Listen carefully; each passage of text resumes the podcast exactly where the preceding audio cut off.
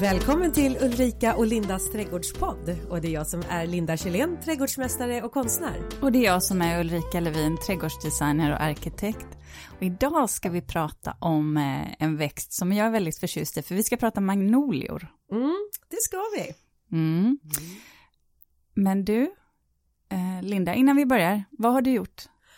Eh, nej men alltså dels så har, har jag, tror jag tillsammans med väldigt många andra varit med om väderomslag. Helt plötsligt blev det ju snöstorm här och det var ju lite trist när man hade liksom lite packat undan vinter, eh, vintern och så kom det tillbaks. Det var lite tufft för det blev ju en riktigt jädrans oj oj oj eh, snöstorm. Så det var väl det. Men sen så blev jag så himla glad häromdagen för jag håller på att läsa en bok.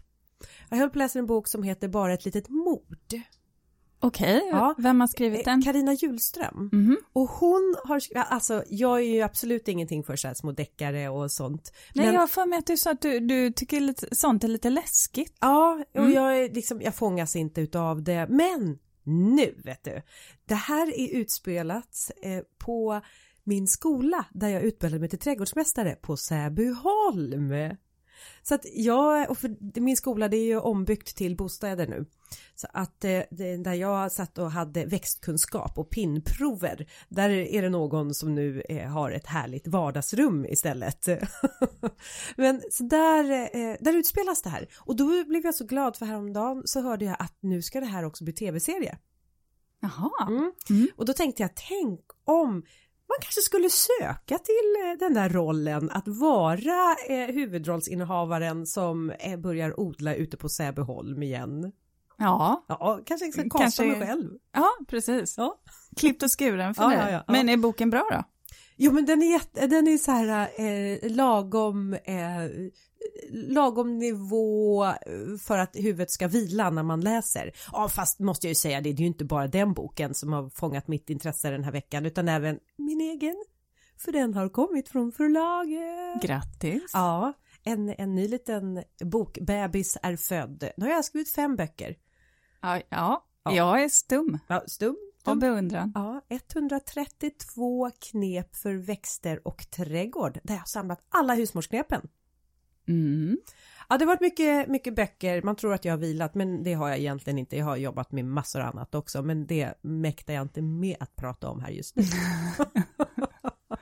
ja, har du hållit på med? Jag har faktiskt varit ute och tittat på eh, många nya projekt eh, som drar igång och har haft sån tur att titta på projekt, du vet, som ligger nära vattnet, vare sig det har varit sjö, sjöar, alltså Mälaren, men också så har jag varit ute i skärgården och det är ju Skärgården är ju utmanande många gånger. Det du, jag såg någon bild på ditt Instagram. Det var väl lite halvt snöstorm där också. Oh, det kändes riktigt kallt alltså, att stå på den där bryggan. Ja, det var, vi åkte tidigt på morgonen och är långt ute i skärgården. Alltså det var så kallt. Det haglade, det snöade, det började blåsa och sen du vet, jag kände inte mina fingrar, de var helt borta till slut, så går det nästan inte att skriva. Ja, nej, då, då känner jag, och då kände jag verkligen så här att ja, det är marsväder, riktigt, riktigt marsväder. Så att gäller att klä sig eh, varmt. Intressant det där hur den där bryggan som då var ganska ogästvänlig och så kommer sommaren och det finns inget bättre plats att vara på. Så är det ju vid havet många gånger att när det blåser, du vet när man varit på västkusten där ute och det kommer de här riktiga höststormarna, alltså då vilken kraft det är i, i havet och vinden oh. runt omkring och sen så är det någonting helt annat än varm sommardag. Då är det härligt. Mm. Men du, eh, vi går på ämnet. Ja, för magnolier, som jag sa i början, det är ju någonting som jag, alltså det är verkligen en växt som jag tycker om. Jag tycker den är helt fantastisk. Eh, just för att för mig så påminner den om, eh, om, en, om försommaren för att när magnolian slår ut så, så vet jag i varje fall i min egen trädgård att när den slår ut då då är det bara, du vet, någon vecka eller två innan du vet det här krispigt gröna bara exploderar. Så att eh, för mig så är det, då vet jag att snart är väntan över, snart går allt över i grönt istället för det här eh, bruna. Så det, man kan säga att det är en signalväxt för dig? Ja, det är det. Är det det som är det stora värdet för dig snarare än utseendet på magnolian? Sen, nej, jag tycker de är vackra också som både som buskar, alltså i blomningen, de blommar ju på bar kvist, inte alla, det kommer vi komma tillbaka till. Eh, men sen så tycker jag att de har ett eh, spännande bladverk och framförallt så har de vackra höstfärger också. Men eh, Linda, du, du satt och fnissade lite, är det så att du tycker helt tvärtom nu? Ja, men jag kanske gör det då. Ja. Ja, nej men för jag tycker att magnolior Alltså ja, men jag håller med om att de är så här signalväxterna som gör det, det är liksom så här när de börjar blomma då inser man att nu, det, det är lite som islossningen. Är det. Ja. ja. Mm. Eh, vad är det de sjunger? Eh, vintern rasar ut för våren. Alltså. Ja, Jag kommer inte sjunga Linda, så kör på. Ja. ja men du förstår, det är den, så det håller jag med om. Men jag är inte så förtjust i magnolior därför att de, jag är fascinerad av magnolior men jag är inte så förtjust i dem därför att jag tycker att de är lite för stela. De är typ som trädgårdens motsvarighet till orkidéer. Um, alltså jag tycker om, jag älskar ju alla växter för att de har sitt, sina unika skönhetsvärden. Men jag är nog mera utav den där uh, liksom favoriserar de här som har lite mera livfullhet och lite flexande som rör sig i vinden. De typen ängs, ängsblommor. Nu kan man ju inte ha en ängsblomma som ett träd, men det finns nog pilen som rör sig. Jag tycker att magnolior är lite stela. Och jag tycker att blommorna är väldigt stela. De ser ut som porslinsblommor eller som flygande näckrosor. Mm, Tycker du det om alla sorter då? För vi kommer komma in på olika typer av magnolier, men är det praktmagnolians blommor som är som stora ägg innan de slår ut, som ser väldigt speciella ut egentligen? Nej men alltså jag kan nog tycka att det gäller alltså överlag. Överlag? Ja, det finns väl de här som är några buskmagnolier som har lite mindre liksom skålformade blommor. Men alltså det är fortfarande någonting med magnolier som eh, får, och det kan ju också vara det att jag bor i det här gamla huset som behöver en mer en mjukare inramning än vad kanske en magnolia ger. En, eh, jo, ursäkta, jag bor också i ett gammalt hus. Jag har en magnolia i min trädgård. Ja, fast Tänkte du på det? Um, jo men jag vet vad, jag, även om inte jag såg magnolian så vet jag, förstår jag att du har en magnolia hos dig. Eller hur? ja. Och vet du vad? Jag ska faktiskt säga, jag ska få en till. Jaså? Ja. Jaha. Som jag verkligen, verkligen går och längtar efter. För jag, den magnolia jag har, mm. det är en hybridmagnolia som heter Leonard Messel. En ja, jättefin sort som har lite vitrosa blommor. Ja. Men så ska jag faktiskt få en Wildcat, heter den. Det är också en hybridmagnolia, men den har lite halvfyllda, alltså fyllda blommor. Mm. Och den, den är verkligen jättevacker.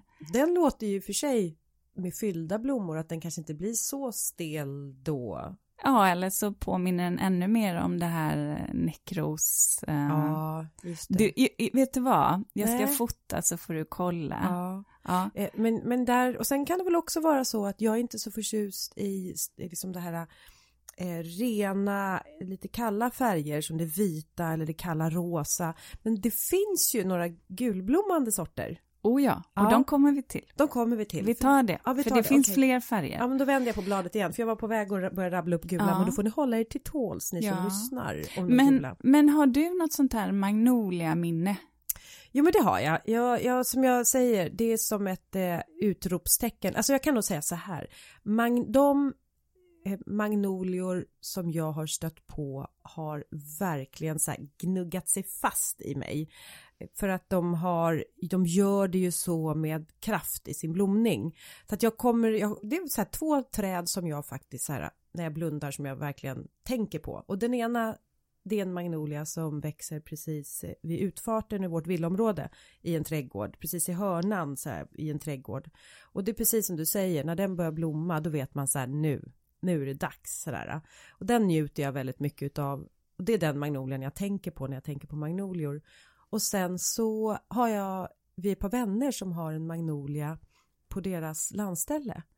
Jag har aldrig sett en blomma, men jag njuter utav dess bladverk som jag tycker är himla läckert. Alltså det är någon frodighet, någon skir, så grönska, lite vertik... Nu ska vi tänka här.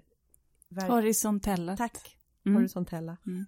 Du visar med handen ja, så jag förstår precis. Ja så horisontella liksom linjer och så det är väl de två magnoliorna som jag har som så här magnolia-referenser. Mm. Den ena aldrig har jag sett i blom medan den andra har jag bara sett i blom på barkvist. Ja. Pracknemagnolian, det, det är en sån det är mitt magnolia-minne, för när vi åkte ner till Österlen en påsk så var det precis där när de var på väg att slå ut så att man, knopparna var så här svullna. Och sen medan vi var där nere så, så började de slå ut då och vecklade ut sig. Och det, alltså, det var ju sagolikt vackert faktiskt eh, mot den här vita husväggen och eh, det här putshuset, Skånelängen. Och sedan så, när allt annat inte riktigt hade hunnit eh, komma, alltså gå ut i grönska, utan det bara var den här magnolien. Jag tyckte det var fantastiskt faktiskt. Eh, men då, så vad du blev fascinerad av, det var magnolians tepaler? Ja, nu vet jag att nu frågade du mig innan om jag visste vad det var och jag sa nej. nej. Så det är alltså?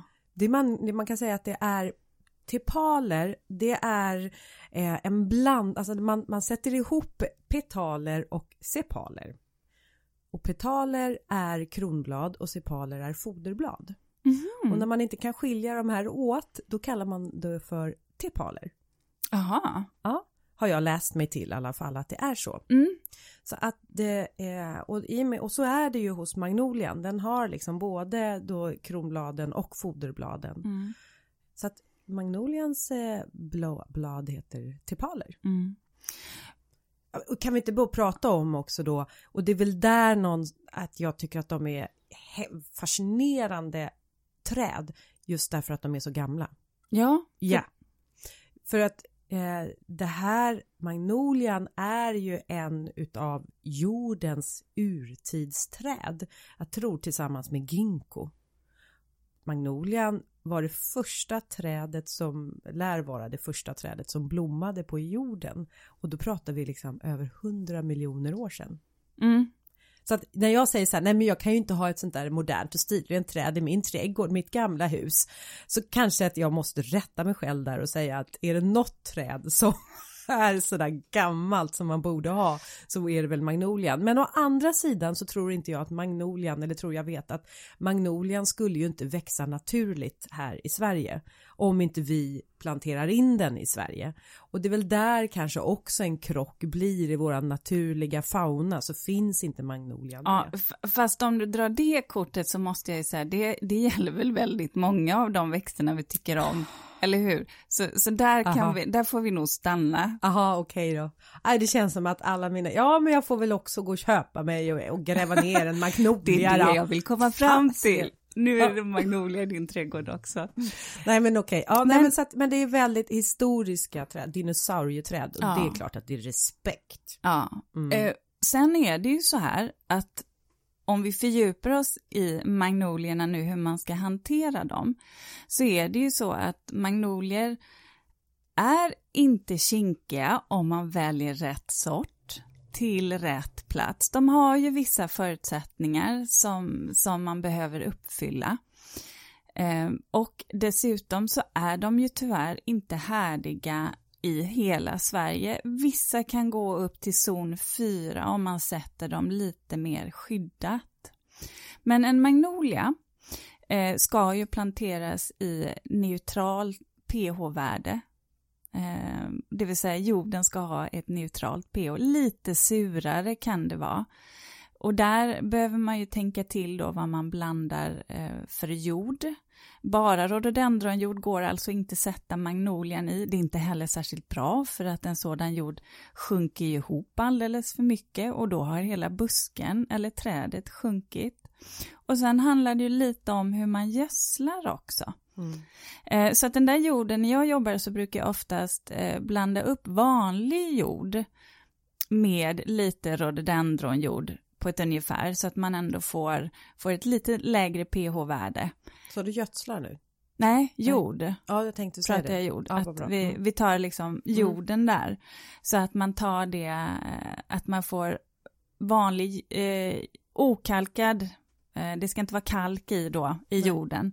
Men vanlig jord och sedan så tar man eh, lite rhododendronjord och så mixar man ihop det där så att man får en mullrik och fin jord. Och det här med pH-värden, det hänger ju ihop med att växten ska kunna ta upp näringen ur jorden. Så då pratar vi ju kemi här, men är ja. det så att man har fel pH-värde i sin jord, då låser man ju vissa näringsämnen som växten inte kan mm. förse sig med. Och det är därför som det här med pH-värde är så viktigt, därför att om inte växten matas med näring så utvecklas den ju inte. Och, och det kan man ju se eh, också då till exempel då som på en magnolia att eh, får en magnolia väldigt eh, gula blad så är ju det ett tydligt tecken på att du kanske gödslar och gödslar men den får ändå eh, den här gulningen i bladen. Ja men då vet man ju att eh, man har fel pH-värde i jorden förmodligen. Mm. Vad brukar du göra ifall, ifall du märker att det är fel pH-värde? Eh, nej men eh, dels så är det ju såklart, alltså nu har ju jag min trädgård i en ganska fet lerjord. Så att den är ju så långt ifrån surjord som jag kan komma. Så att om det är så att jag märker när jag använder mina surjordsväxter eller som i alla fall drar lite åt det surare hållet så då vet jag eh, vad det handlar om. Att jag behöver tillföra eh, liksom mera eh, torv eller mull eh, rhododendron jord eller blåbärsjord. Mm. Så. Men jag, eh, eftersom jag nu har den jord jag har så eh, håller inte jag på att förändra den utan jag anpassar ju växtvalet efter den mm. jorden jag har på platsen. Mm. Och det kan ju också vara en anledning till att jag inte har rhododendron för, i och med att jag inte har några upp, för du har mycket upphöjda odlingsbäddar och mera anlagda väl nyare ja. rabatter och mm. då är det väl en sak men jag har ju, jag har ju bara gammalt i min trädgård. Mm. Gödsel är ju också någonting som man ska tänka på eh, när det gäller magnolier för att en, en nyplanterad magnolia där kan man ju absolut ha lite kvävegödsel på men sen när magnolian blir äldre så behöver de faktiskt inte så mycket gödsel alls. Däremot gärna organiskt material. Kogödsel? Ja. Alltså för kogödsel är ju mer eller mindre organiskt material, mer som en jordförbättring. Ja, och, och det behöver man fylla på för de gillar ju en mullrik jord, magnolierna.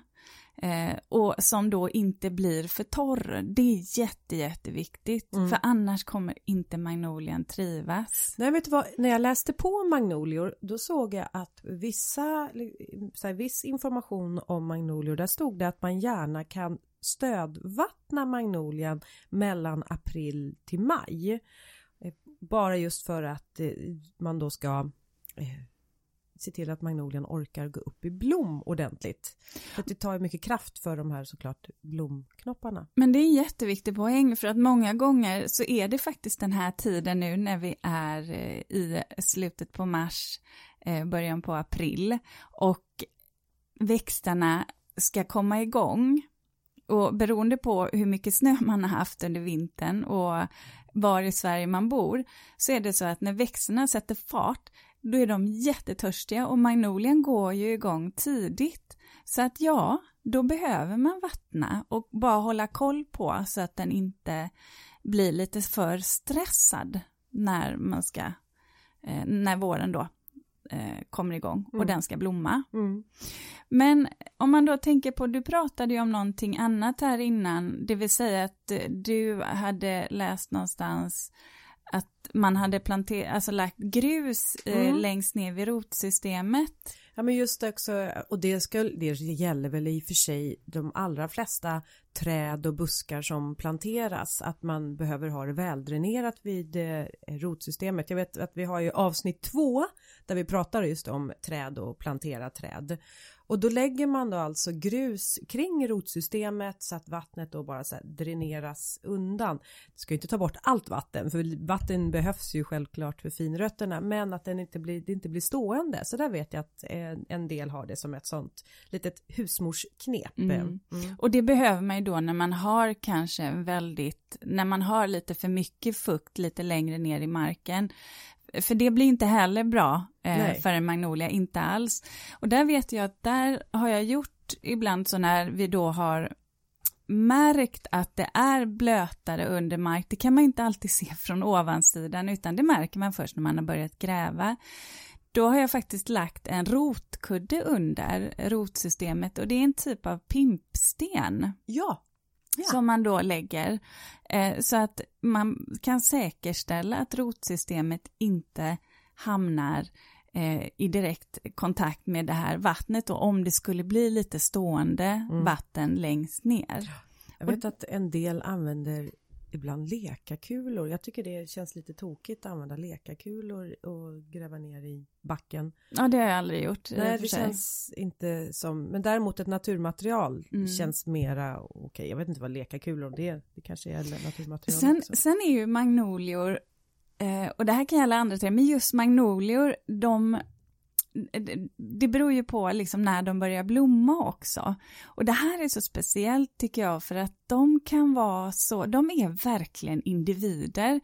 För man kan sätta, du vet, en grupp av kanske tre, fyra stycken eh, och så är det någon som inte riktigt vill börja blomma än och det, det är egentligen samma storlek man har köpt in, det är samma sort men då, då har den inte riktigt kommit till den fasen där den vill börja blomma. Nej. Då får man vänta lite. Alltså det är som, eh, eh, det är som människor och tonårs tonåringar också.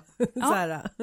Eller en, en själv också. Nej men man, man måste liksom, vars, var sak har sin tid där och man måste väntas på sin tid mm. tills man är mogen. Men du, eh, när vi är inne och pratar om rot, nej vad sa du, rotkudde? Ja, rotkudde. Ja. Så tänker jag också på att Magnolius rotsystem är ju väldigt ytligt. Så att det ligger ju inte, alltså det är ju till många, skillnad mot många andra träd som liksom går djupt ner så ligger ju magnoliernas eh, rotsystem lite mer på ytan. Och det ska man också eh, ha med sig när man planerar att eh, plantera in en magnolia där man kanske har en liten stig eller ett gångstråk att det kan vara något som inte magnolian riktigt trivs med. Mm, det tycker jag är, det är viktigt att tänka på. Den behöver stå som solitär, lite mer skyddat från de gångarna. Å andra sidan så Vissa, vissa använder jag faktiskt, det finns vissa magnolior som är ganska tåliga och som man kan använda som alléträd och stadsträd, men det är som du säger, helst så ska de ju inte man ska inte gå på rotsystemet. Jag brukar ofta ha en underplantering och då mm. brukar jag sätta in den samtidigt som jag planterar magnolien. Jag skulle säga, det var faktiskt det, var faktiskt det ja. jag skulle säga. Eller hur? Ja. Men om jag får säga mina ja, växter då? Alltså jag skulle säga det här. Ja. Vårälväxing tycker jag är ett ja. jättefint gräs för det blommar ju nästan, eh, inte samtidigt men strax därefter i alla fall. Årets perenn för ett par år sedan. Var det? Ja. Ja, du ser. Mm. Ja, men det är snygg, ett snyggt litet lågt gräs, så här lite mörkgrönt, lite åt det grå. blommar som små knappar. Ja, svarta. De är svarta, eh, jättesnygga till du vet en vit magnolia. Eh, men sen kan jag också tycka att nävor kan vara fina som, som till exempel blanknäven Silverwood där, tycker jag. Aldrig underskatta nävor. Alltså, Nej. Är det så här att man bara, ah, åh vad ska jag plantera? Eh, om man står och funderar, eh, det är aldrig fel med en näva. Nej. Är vi Nej. överens där? Ja, gud ja. ja. Det, gud, nävorna ja. är det motsvarigheten till den lilla svarta. Alltså det är alltid rätt att ha den här lilla svarta klänningen på sig, då är man alltid rätt klädd. Jo, men jag tror nog, ja, det, vet du vad? Ja. Det kan jag hålla med om. Ja, mm. men hör ni? Vi är... Vi är inte överens om magnolior. Men... Nej, men vi är överens om eh, underplanteringen och nävor. Jag trodde du skulle säga underkläderna och det vet jag inte. Har de små svarta. Det ska, ja. det ska vi inte gå in på. Men du, vad hade, hade, du några, hade du några eh, växter till underplantering så du inte glömmer bort det nu? Ja, just det. Nej, men du, eh, hmm, nu blir ni besvikna på mig. Jag säger ju då nävorna såklart. Nu tänker jag tänker, eh, vad har jag annars lagt märke till att det är för några? Nej, Eh, vad jag ville säga var däremot hur man ska plantera sin magnolia i läget. Ja. Ja, det var det, där dit jag ville komma. Då ska jag också berätta ett misstag när du har berättat om ja. läge. Ja. För det, det är precis det här som är viktigt med magnolierna. Ja. För att få dem att trivas. Ja. Och då, är, då kan man ju också, läget kan man ju också eh, så här, tänja på. Om du har en magnolia som är härdig zon 3 eh, men du bor i zon 4 genom att du faktiskt planterar den lite mer vindskyddat eh, närmare kanske eh, huset eh, sådär så då kan du ju faktiskt lyckas med din magnolia. Men när det gäller vindskyddat så är ju det verkligen A och O när det gäller magnolian om du ska njuta av blomningen under längre tid än bara två dagar när det stormar. Mm. Jag vet, jag jobbade på Ulriksdal på eh, Slottsträdgården och då så hade vi planterat, eh, fanns det planterat ett stort magnoliaträd och man var så här Åh, nu blommar magnolian och så nästa dag skulle jag ha med mig kameran för jag var tvungen att så dokumentera för lite fascinerad är jag ju av kronbladen. Och eh, när jag kom tillbaks, ja men alla kronblad låg på eh, marken för att det hade blåst för mycket. Blåst och frost är egentligen magnolians fiende. Mm. För det kan ju också vara så här att om man planterar sin magnolia för varmt, alltså eller i för mycket sol, då, då växer knopparna väldigt tidigt och då slår de ut och då finns ju en risk för att de blir eh, skadade av frosten. Så att inte, de kan definitivt stå i full sol, men de behöver vara skyddade från vind och om man har, eh, är liksom på gränsen på zon där så kan man ju sätta den inte i allt för soligt läge, inte djup skugga, men ändå vandrande skugga eller mm. eh, så att man i alla fall skyddar de där blommorna. För att det hände ju förra året i, i min egen trädgård att eh, det var ju en fantastisk blomning och sen blev det ju smällkallt. Så nästa dag så var ju alla blommor helt bruna och det är ju så tråkigt men ja, det men kan man ju inte styra över. Vissa sorter de har ju reservblommor. Mm. Men det kanske vi kommer till sen, men eh, så att när man, de har liksom den här, eh, den, liksom den första blomman men om nu frosten kommer då finns det en reservblomma som kan börja blomma också. Mm. Det var ju lite smart. Ja. Men du, eh, och det är ju inte bara, var det något mer du ville säga förresten om din? Nej, jag tänkte, vill du att jag ska berätta om mitt misstag? Ja, det var ju där, det var ju dit vi var på väg. Ja. Jag, planter... jag, ja, ja, jag planterade faktiskt en, eh, en praktmagnolia Eh, och jag, jag sa att det här är lite en chansning, för det var på ett ganska utsatt läge. Det är i och för sig södra Sverige, men det var ganska utsatt. Och de trivs ju där nere, magnolierna, och det här var en praktmagnolia då. Och, eh, men inga häckar och inga skyddande träd eller buskar hade ju kommit upp, så jag tror den höll ett år och sen var det bara tack och hej leverpastej. Den klarade sig inte, det blev alldeles, alldeles för utsatt för den. Och Sen var det för torr jord. Ah, mm. Mm. Det var ren sandjord. Mm. Jättedåligt val. Men vilken eh, läro... Alltså man får ju se sådana misstag som verkligen läromisstag helt enkelt. Nu mm. har ju du stenkoll på det här. Ja. Eh, något annat som jag också var med om när jag jobbade eh, som eh, trädgårdsmästare och med kundkontakt. Det var att eh, det var en del kunder som kom in och hade med sig knipsat av en magnoliagren och ville visa på att knopparna var upp, alltså blommorna var uppätna inifrån. Mm -hmm. Så att de här eh, mjuka ulliga eh, knopparna de eh, var tomma inuti, det var bara som tomma skal. Men vad var det? För det har jag aldrig hört talas om. Nej, men det var förmodligen småfåglar som har så här stått, suttit och pickat för de tänkte att här innanför gömmer sig en nöt eller något. Jag vet inte vad fåglarna trodde. Mm. Men så det här var liksom tomma skal var det. Där säger du någonting också för att rådjur kan ju ha, vara lite förtjusta i magnolier, framförallt att feja på dem. Ja. Så att det får man ju tänka på. Ja. Men du, mm. har du, eh, du hade ju några sorter eh, magnoliasorter som du eh, tyckte om. Mm. Vi ska inte prata om beskärning och sådär då? Jo men det kan vi ta nu och när du ändå säger det, för ja. det ska vi absolut ja. prata om. Jag tänkte att det hänger ihop med, ja. Eh, med... Eh, ta, alltså försöker du ta kontroll över manuset här? Ja. Nej men jag hade, vet du vad, jag har det på min lista Linda, men vet du vad, Mm. Du är välkommen att berätta om beskärning. Om beskärning? Mm. Ja, men för det första kan vi också prata om att eh, lämpligast enligt våra erfarenheter det är att plantera magnolior på våren. Ja. Det kan, vet jag inte, kommer jag inte ihåg än som vi sa, men så är. Jo men så är det ju och framförallt mm. om den kommer i klump. Man ja. kan ju alltid plantera en krukodlad magnolia lite senare, det beror ju på var i Sverige man bor. Men jag planterar inte hos mig själv eller hos andra kunder senare än, än kanske maj, max max juni där. Eh, och då är den krukodlad naturligtvis. Mm. Eh, för att den behöver, jag upplever att den behöver ha tid att etablera sig under säsongen. Just med tanke på att den ska gå igång och blomma så tidigt och att den har ett litet ytligt rotsystem.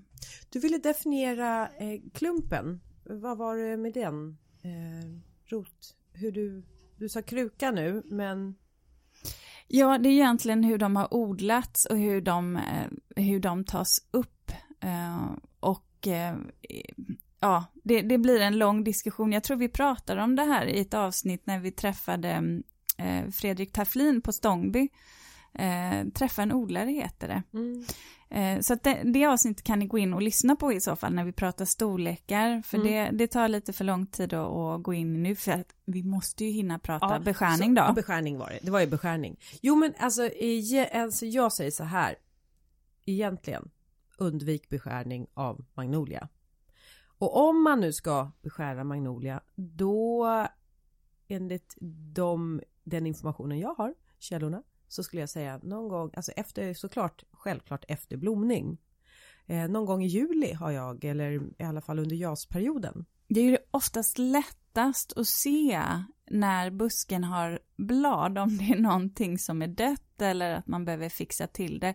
Det magnolierna kan ha, eller ofta är, eftersom de har de här det här horisontella grenverket, det man kan behöva klippa bort, det är ju de här eh, grenarna som korsar varandra och så småningom kommer liksom ligga och skava mot varandra. Mm. De får man ju plocka bort. Ja. Men det ska absolut inte vara någon hård beskärning. Sen är det ju så här, att när vi pratar beskärning om man köper en liten buske, då måste man ju ta ansvar för att bygga upp den så att det blir en vacker buske. Och det är klart att då, då ska du ju in och beskära det. Men du gör ju aldrig som, du vet man gör med sirener, att man klipper ner halva busken eller hela för den delen för att få den att gå om igen. Det är ju tvärnej. Ja, ja, och förgrena sig, nej, ja, oj, Då tar du ju livet ja, av den. Ja. Så, så väldigt, väldigt måttligt. Mm. Bara de grenar som egentligen är döda mm. eller som eh, man ser kommer eh, växa fel. Och då kan man ju, om det nu ändå är så att man vet att man ska beskära och man både vill njuta av blomningen men ändå forma till den då kan man ju så här års faktiskt eh, klippa grenar och driva på dem i blom. Ja, inomhus. Det, det gör jag alltid. Ja, ja du gör det? Ja. Alltså det är lyx säger jag. Så det har jag haft med, med några vackra tulpaner. Oh, um, jättefint faktiskt. Men ja. då får man inte, då får man också tänka på att eh, man får inte göra det för sent så att busken har börjat sava och komma igång. Nej, och utan... inte för tidigt heller. Nej, så det, där balans. är men man varsamt. Det. det får man se. Mm. Mm. Nej men så att, eh, jag tycker i alla fall undvik helst eh, att beskära, men måste man beskära så gör det eh, juli. Mm beroende på var du bor i mm. landet. Sen när det mm. gäller sorter här, ja. jag använder ju magnolia både som egentligen träd mm. och som buskar. Eh, och om det är några sorter som jag tycker funkar som båda så är det faktiskt den japanska magnolian. Magnolia cobus heter den på latin. Just den det. pratade vi också om i Woodland-avsnittet. Mm. Eh, Den tycker jag är väldigt vacker. Men sen gillar jag avsnitt 32 i det. Får jag Eh, säga en sak om, ja. om eh, japanska magnolian? Ja. Vad jag har fått fram så är det en av de kanske härdigare sorterna. Så är det. Ja, och också en som, jag vet inte hur det är, doftar alla magnolior eller är det vissa som doftar mer än andra? För den här är ju doftande. Bra fråga. Jag tror, det, det kan inte jag svara på. Ofta sitter ju blommorna så högt upp så att man kanske inte är där och, och liksom Nej. in. Men man, liten doft tänker jag att det borde komma i alla fall. Och den här är inte så kinkig med pH-värdet heller, Nej. utan den kan ha nästan lite alkalisk jord, det vill säga med kalk i. Eh, däremot inte för torrt. Än en gång, Mm. inte för torrt. Inte Mm. för torrt. Ja. Eh, jag tycker om, jag jobbar ofta med dem som träd, för de är så tåliga. Just det. Och blir superfin. Får en jättefin så här lite smörgul höstfärg som jag är väldigt förtjust i. Ja. Mm. Höstfärgerna är ju något som man kanske glömmer bort när man tänker på Magnolia för att man, man, Mm. han är så det, den är liksom så stereotypt förknippad till vårblomning Mm. på bar kvist och så glömmer man att det här är ett väldigt dekorativt bladverk som speciellt också på hösten. Mm. Och det, annars är de ju lite blanka, gröna. Mm. Det, det här är ju också ett träd som blir lite större. Så att vi pratar ändå om något, ja den kanske blir 6-8 meter i alla fall. Mm. Så det får man tänka på. När vi pratar om lite härdigare sorter så skulle jag vilja slänga in också eh, buskmagnolian, stjärnmagnolian. Stjärnmagnolien. Ja. ja. Den är också en som är lite mera eh, härdig och framför allt så är det eh, den som då har den här extra uppsättningen knoppar. Så att om då huvudknopparna fryser in så finns det några extra småttingar som kan slå ut. Mm. Stjärnmagnolian. Ja, och den har ju, den ska man ju, det är också en sån buske som man inte ska placera för varmt. För då eh, spricker den ut för Då går tidigt. det undan också. Ja. ja och så för tidigt. Ja. Ja, eh, den är ju faktiskt ganska bra om man har en liten trädgård för den blir ju inte så hög, den blir nästan lite bollformad, den kanske blir en två meter hög ungefär, ungefär lika bred. Just Så att det, det är en bra, ett bra tips för den lilla trädgården. Mm. Det Vad brukar man säga faktiskt om friväxande buskar Ja. att lika hög som, höga som de blir, lika breda blir de efter tio år. Mm. Stämmer ju inte man- på alla i och för sig. Nej, Verkligen inte. Nej, okej. Nej. Glöm det jag sa tydligen. Ja. Ja. Men eh, jag eh, tänker att eh, det finns en viss sanning i det. Eh, ja, eller inte. Men okej.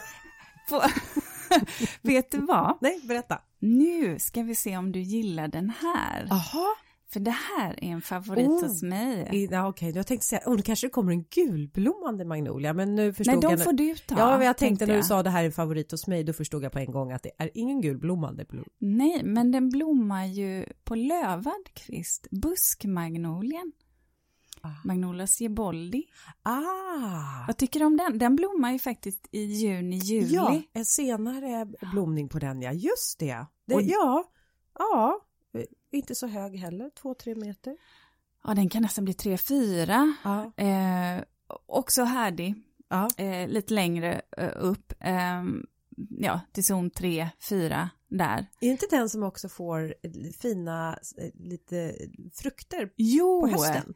Det, jo, det är precis det de får. Ah, Och det är inte en sån här överdådig blomning egentligen, men blommorna är helt fantastiskt vackra för de öppnar sig som, ett, som en näckros Ja, och sen så ja, vita och så har de så lite, lite rosa rött på insidan och, och sen så ser man de här frukterna då på hösten och knallröda ståndare i den Ja, också. och den, alltså den är så häftig. Och sen då så, den kommer ju med enstaka blomni, blommor hela säsongen där faktiskt remonterar. Och jag har en kund som har en så fantastisk buskmagnolia. Så när vi, jag ritade hennes orangeri då sa vi faktiskt att den där, den måste få stå kvar. Så vi får anpassa orangeriet lite. Ja, så att, så att det kommer de få in då i orangeriet när de sitter där. Man ska helst inte flytta magnolior. Nej, Nej. Så det var väl rätt val att anpassa det efter denna. Nej men eh, och sen så de här eh, frukterna, hur skulle du beskriva dem? De blir liksom, ah, som kolvar liksom på Ja. något sätt. eh. De är väldigt dekorativa, de är Mm. vackra. Ja, det Men du- var buskmaljon Siboldi. Ja, Mm. sen hade ju du några gula sorter för allting, de jag har pratat om är ju främst vita. Ja, just det. Eh, nej men den som jag hade, det är en magnolia som får eh, ljusgula eh, lite blommor och den heter Yellow Bird Mm. och eh, det är en poppelmagnolia. Okej. Ja, och eh, det blir väl ett ganska stort träd, det kan bli uppåt 8 meter. Eh, zon 3, ehm, som den, ehm, eh, men den är också en sån sort som eh, kan blomma samtidigt som den också har bladutspring. Har den.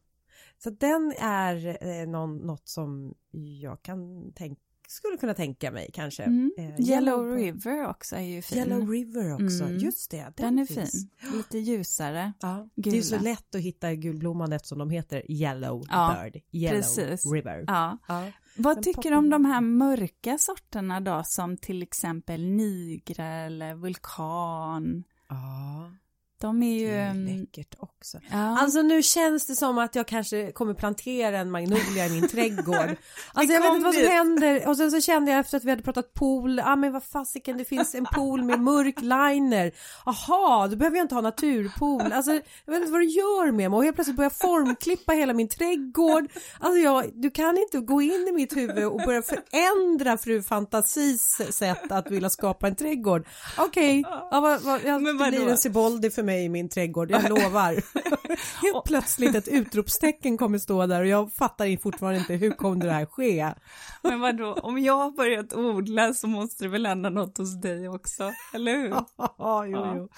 Men sen har vi ju de här hybridmagnolierna som vi redan har varit inne på. Leonard Messel, Ja, rosa blommande. Och den vackraste vita sorten där är ju Meryl. Och den är faktiskt jättefin att använda som träd också. Ja, Kanonvacker. Och det är ju Mm. en, den är ju lite spännande också för det här är ju faktiskt en korsning, en spontan korsning Mm.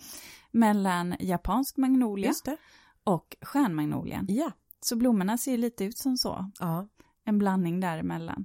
just det. Ja, mycket, mycket vacker. Eh, Men du, vänta, nu lämnade vi bara mörka, mörka blomnings, alltså de Ja. magnolierna. Hade du något du ville säga om dem? Vad de lämpar sig bäst? Alltså för det är lite svårt skulle jag säga med de här mörka färgerna på blommor eftersom de försvinner ju Mm. aningens. Men det kanske finns något skönhetsvärde i det också, att inte de bara liksom skriker om uppmärksamhet. De gör ju oftast inte det eftersom att blad, alltså lövverket på övriga växter är ju inte ute då. Så att dels så kommer de ju ofta fram även om de står i lite halvskugga sen.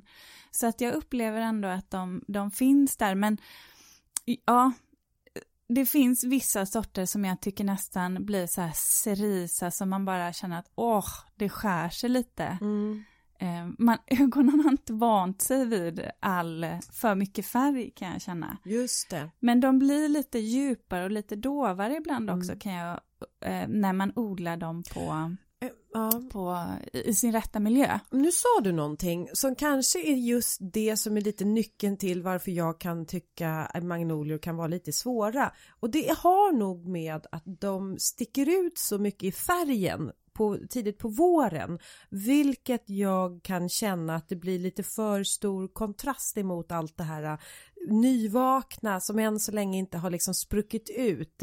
Och så kommer de här som bara står, det blir, det är väl Mm. kanske där någonstans Mm. att jag kan känna att det blir en, eh, oj, det- den här färgerna, det är eh, naturligt inte stämmer överens. Mm. Och därför jag gillar de här lite bleka, blekrosa, vita. Oj, jag tror också de här milda gula Ja. sorterna. Men du, det finns en, eh, en magnolia som också har en pyramidformat växtsätt. Mhm. Också med väldoftande blommor. Och den heter Magnolia salsifolia. Wadas Memory. Ja! Ja, den kan man se eh, om man besöker Enköpings parker. Ja. finns det ett stort exemplar av den och den har ju lite speciellt då med dess blommor det är ju, eller tipalernas eh, när de då vecklas ut och det är ju att eh, de hänger liksom ner eh, kan påminna, alltså näsduksträdet, alltså Mm. som näsdukar. Mm. Och lite så här fladdrande. Mm. Eh, och den är lite speciell måste jag säga. Och det är väl det som är så häftigt med magnolior, att det finns ehm, ja, men så många eh, ja, typer eller liksom utseenden på dem faktiskt, Ja. som jag tycker är fina. ja Fint. Ja, Men ehm, om, nu är det ju snart påsk. Ja just Ja. det. Det kan man se om man går ut ett Mm. växthus här ute. Ja, Oj. och jag tänkte så här att vi lämnar magnolien nu, Ja. magnolierna, alltså fasen, Mm, det det här land det ja, Ja. talfelet brukar ju komma på eftermiddagarna, det har redan hoppat upp, eh, eller hoppat in. Hoppat upp och hoppat, in. Ja. Eh, Men nu du, ska- Linda, medan jag får rätta till mun och hjärna då, så kan väl du prata lite om påskinspiration? Ja, det kan jag göra. Jag, jag eh, vill tipsa om hur man kan skapa naturliga fjädrar utav eh, prydnadsgräsens vippor. Så att nu den här tiden på året eh, då är det ju dags att kanske gå ut och börja och klippa ner sitt prydnadsgräs. Och då kan det ju vara en del vippor som har klarat vintern. Ta tillvara på de där vipporna och sen så kan man liksom av en om man har ett till exempel ett eh, glansmiscanthusgräs så kan man eh, ta de här vipporna och dela upp dem på tre och sen så kan man sätta en liten ståltråd på och då har man gjort sina egna naturliga fjädrar. Och känner man så här, ja fast alltså jag vill ju inte bara ha den här eh, halmfärgen på mina vippor, jag vill att det ska, det ska vara lite färg. Då kan man färga de här i blåbär, alltså man kokar upp blåbär och så doppar man ner de här eh, i blåbär i vatten då och sen så kan man, får man lägga det och torka. Jag brukar inte använda hårtorken för då blir det så här extra fluffigt. Man Ja, ja, ja, smart. Ja, eh, dels eh, blåbär och sen så gurkmeja Mm. har jag också. Och då får man så här eh, lite lila rosa eh, färger. Och är det så att man inte har något ehm, eh, prydnadsgräs i sin trädgård då finns det ju mycket vass som eh, man kan som kanske växer lite så här det är alltid en, man, man ska ju alltid tänka på när man plockar saker i naturen som in, en plats som man själv inte äger. Men om man går i dikeskanter kanske sådär då kan man hitta och det här är ju sånt som ändå ska vissna ner och jag vågar inte säga garanterat att man får göra så här men Jag, så, jag såg det på din min där, Ja. att du tänkte samtidigt, mm, vad ska jag... Ja men vet du, jag har åkt dit eh, ett par gånger när jag har stått på eh, i tv och sagt eh, saker som jag tycker skulle vara en självklarhet med sunt förnuft men det, man kan aldrig vara nog så tydlig att säga att man får inte bara plocka hur som helst. Nej. Men, men, det, men man kan åka också iväg, det finns mycket pampasgräs att köpa i blomsterbutiker som man både färgade och ofärgade. Men poängen är att man gör sina egna naturliga fjädrar. Mm. Det är det ena. Eh, sen tycker jag ju att det är så lätt att bara plocka upp, eh, det får man faktiskt göra, plocka upp till exempel björkris som har rasat på backen eh, och plocka upp det för nu kommer de ju ändå ska börja sopa gatorna. Ta tillvara på det där björkriset och sen så gör kransar. Det är bara böj det bara. Det är bara ta ihop det liksom och så bara böjer ni till och sen så är det så vackert för att det här blir som ett rede.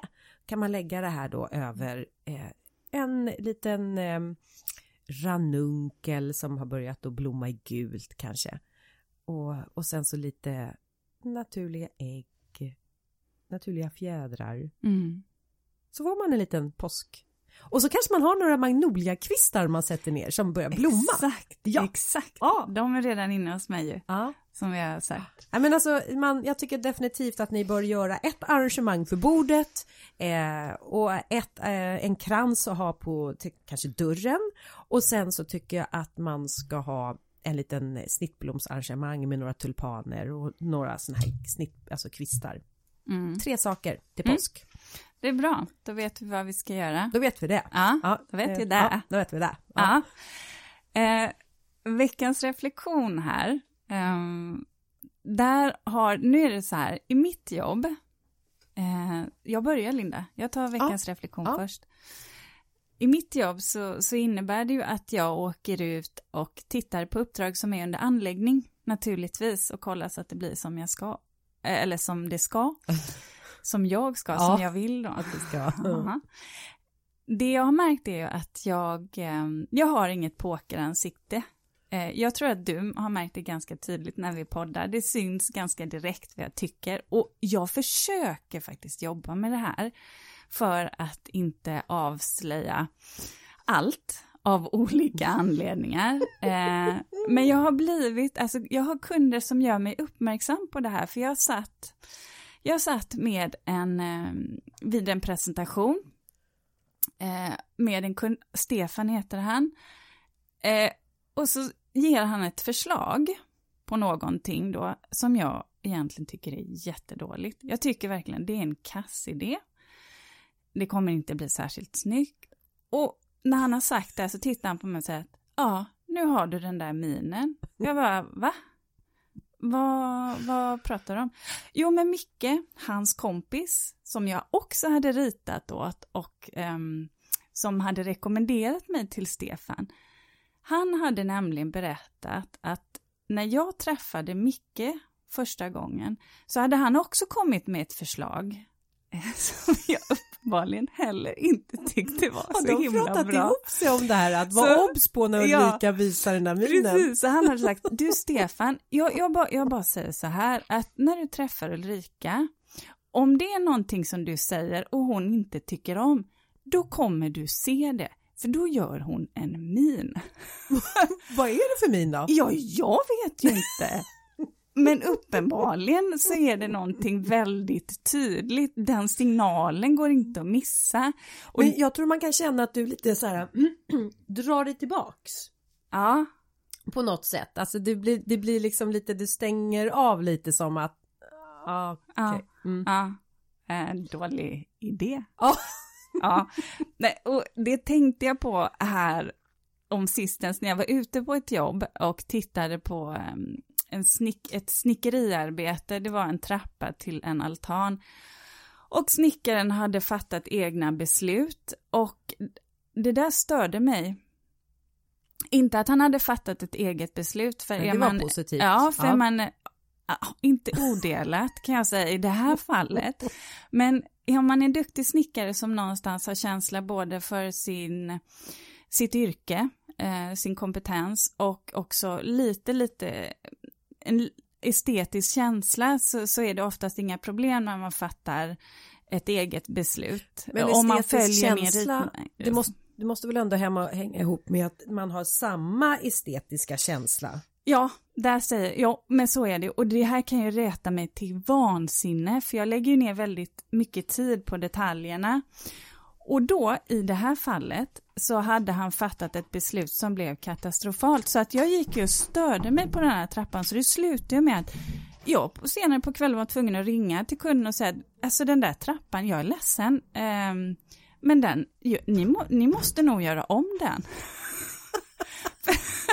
För jag, det, alltså det drar ner alltihop. Och då är det ju lite känsligt, för på ett sätt så, så, så, så, så är det klart att det kan ju vara de som har sagt okej, det är okej att göra så här. Men samtidigt så känner jag att det är också en del av mitt jobb. De betalar ganska mycket pengar, Ja. de har fått en ritning och då är det banne med eh, också mitt ansvar att säga till när jag tycker att det kvalitetsmässigt inte håller måttet.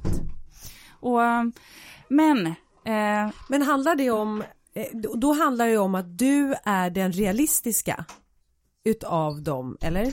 ja, snarare att jag kan se det estetiska. Sen vet jag att jag uppskattar ju snickare och finsnickare jättemycket, för de har ju en teknisk kompetens som jag saknar.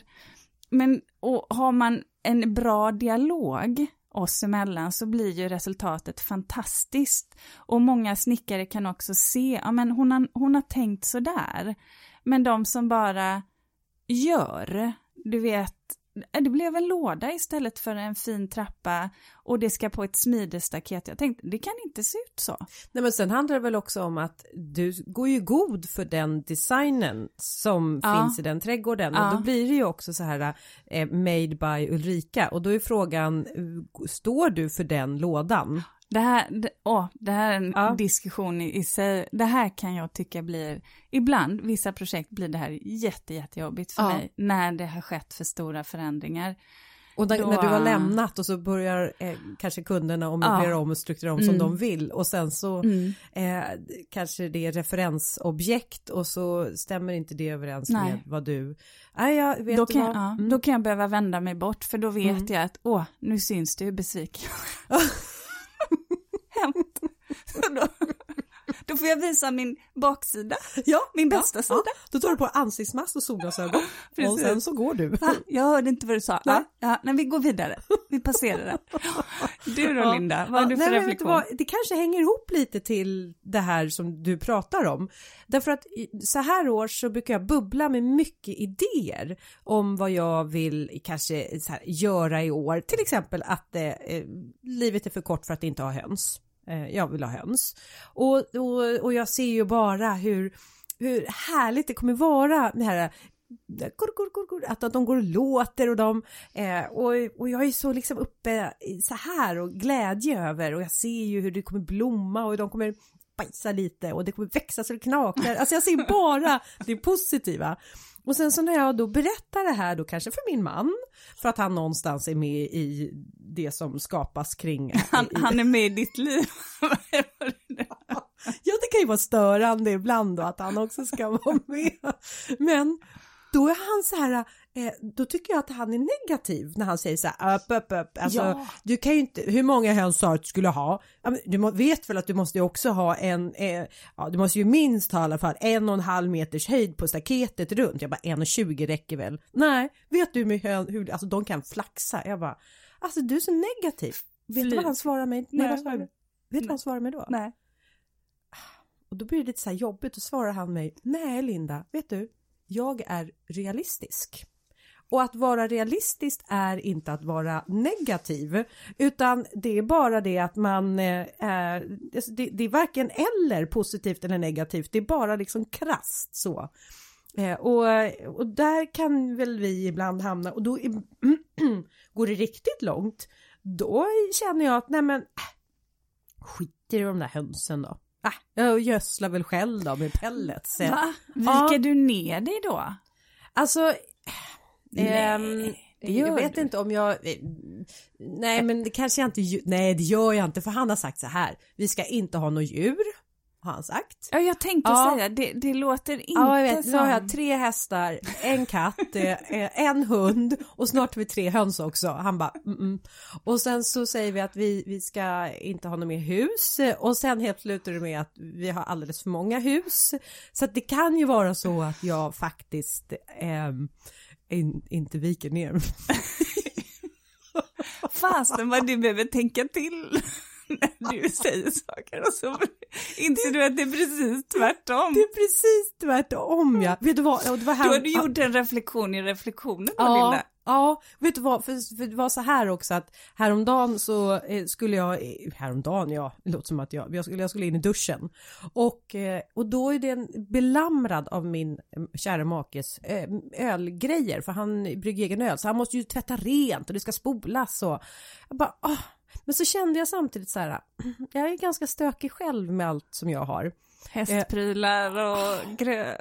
Alltså lite krukväxter som står, någon liten förodling Som som, ska med upp står. till Vemdalen. någon- Åh, exakt. Alltså det är ju den här Noaks arken som ska transporteras.